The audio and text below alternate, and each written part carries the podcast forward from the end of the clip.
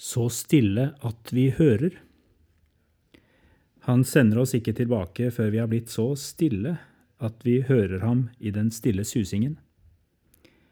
Det er religionskrig i Israel når profeten Elia trer frem med sine mektige gjerninger i første kongebok 19. Landet styres i realiteten av dronning Jesabel, som dyrker Baal og Ashera. Hun har stått bak en blodig forfølgelse av Guds profeter. Elias svarer på et vis med samme midler, først gjennom en enorm maktdemonstrasjon av hvem som er herre over naturkreftene. Det skjer på Karmel i kapittel 18. Etterpå ved selv å drepe alle Baal-profetene. Kapittel 18. Profetens handlemåte er voldsom. Den skriver seg inn blant hellig krig-tekstene i Det gamle testamentet og er veldig fremmed for oss som kristne i dag. Jesabels reaksjon dagen etterpå, i kapittel 19, viser at den onde sirkelen ikke er brutt. Volden bare fortsetter. Nå skal hun hevne seg ved å ta Elia. Elias' reaksjon er frykt, motløshet og usigelig trøtthet. Tre klassiske tegn på utbrenthet.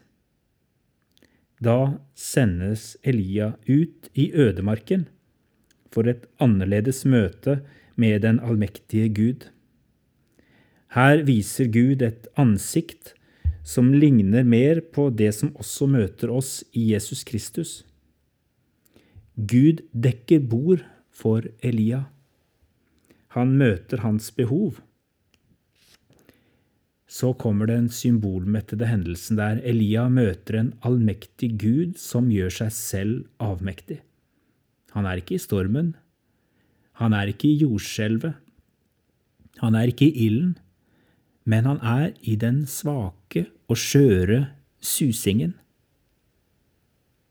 Flere ganger i livet har jeg trengt å dra bort fra aktivitetenes sentrum for å møte Gud i stillheten. Etter hvert har jeg begynt å legge det inn i kalenderen.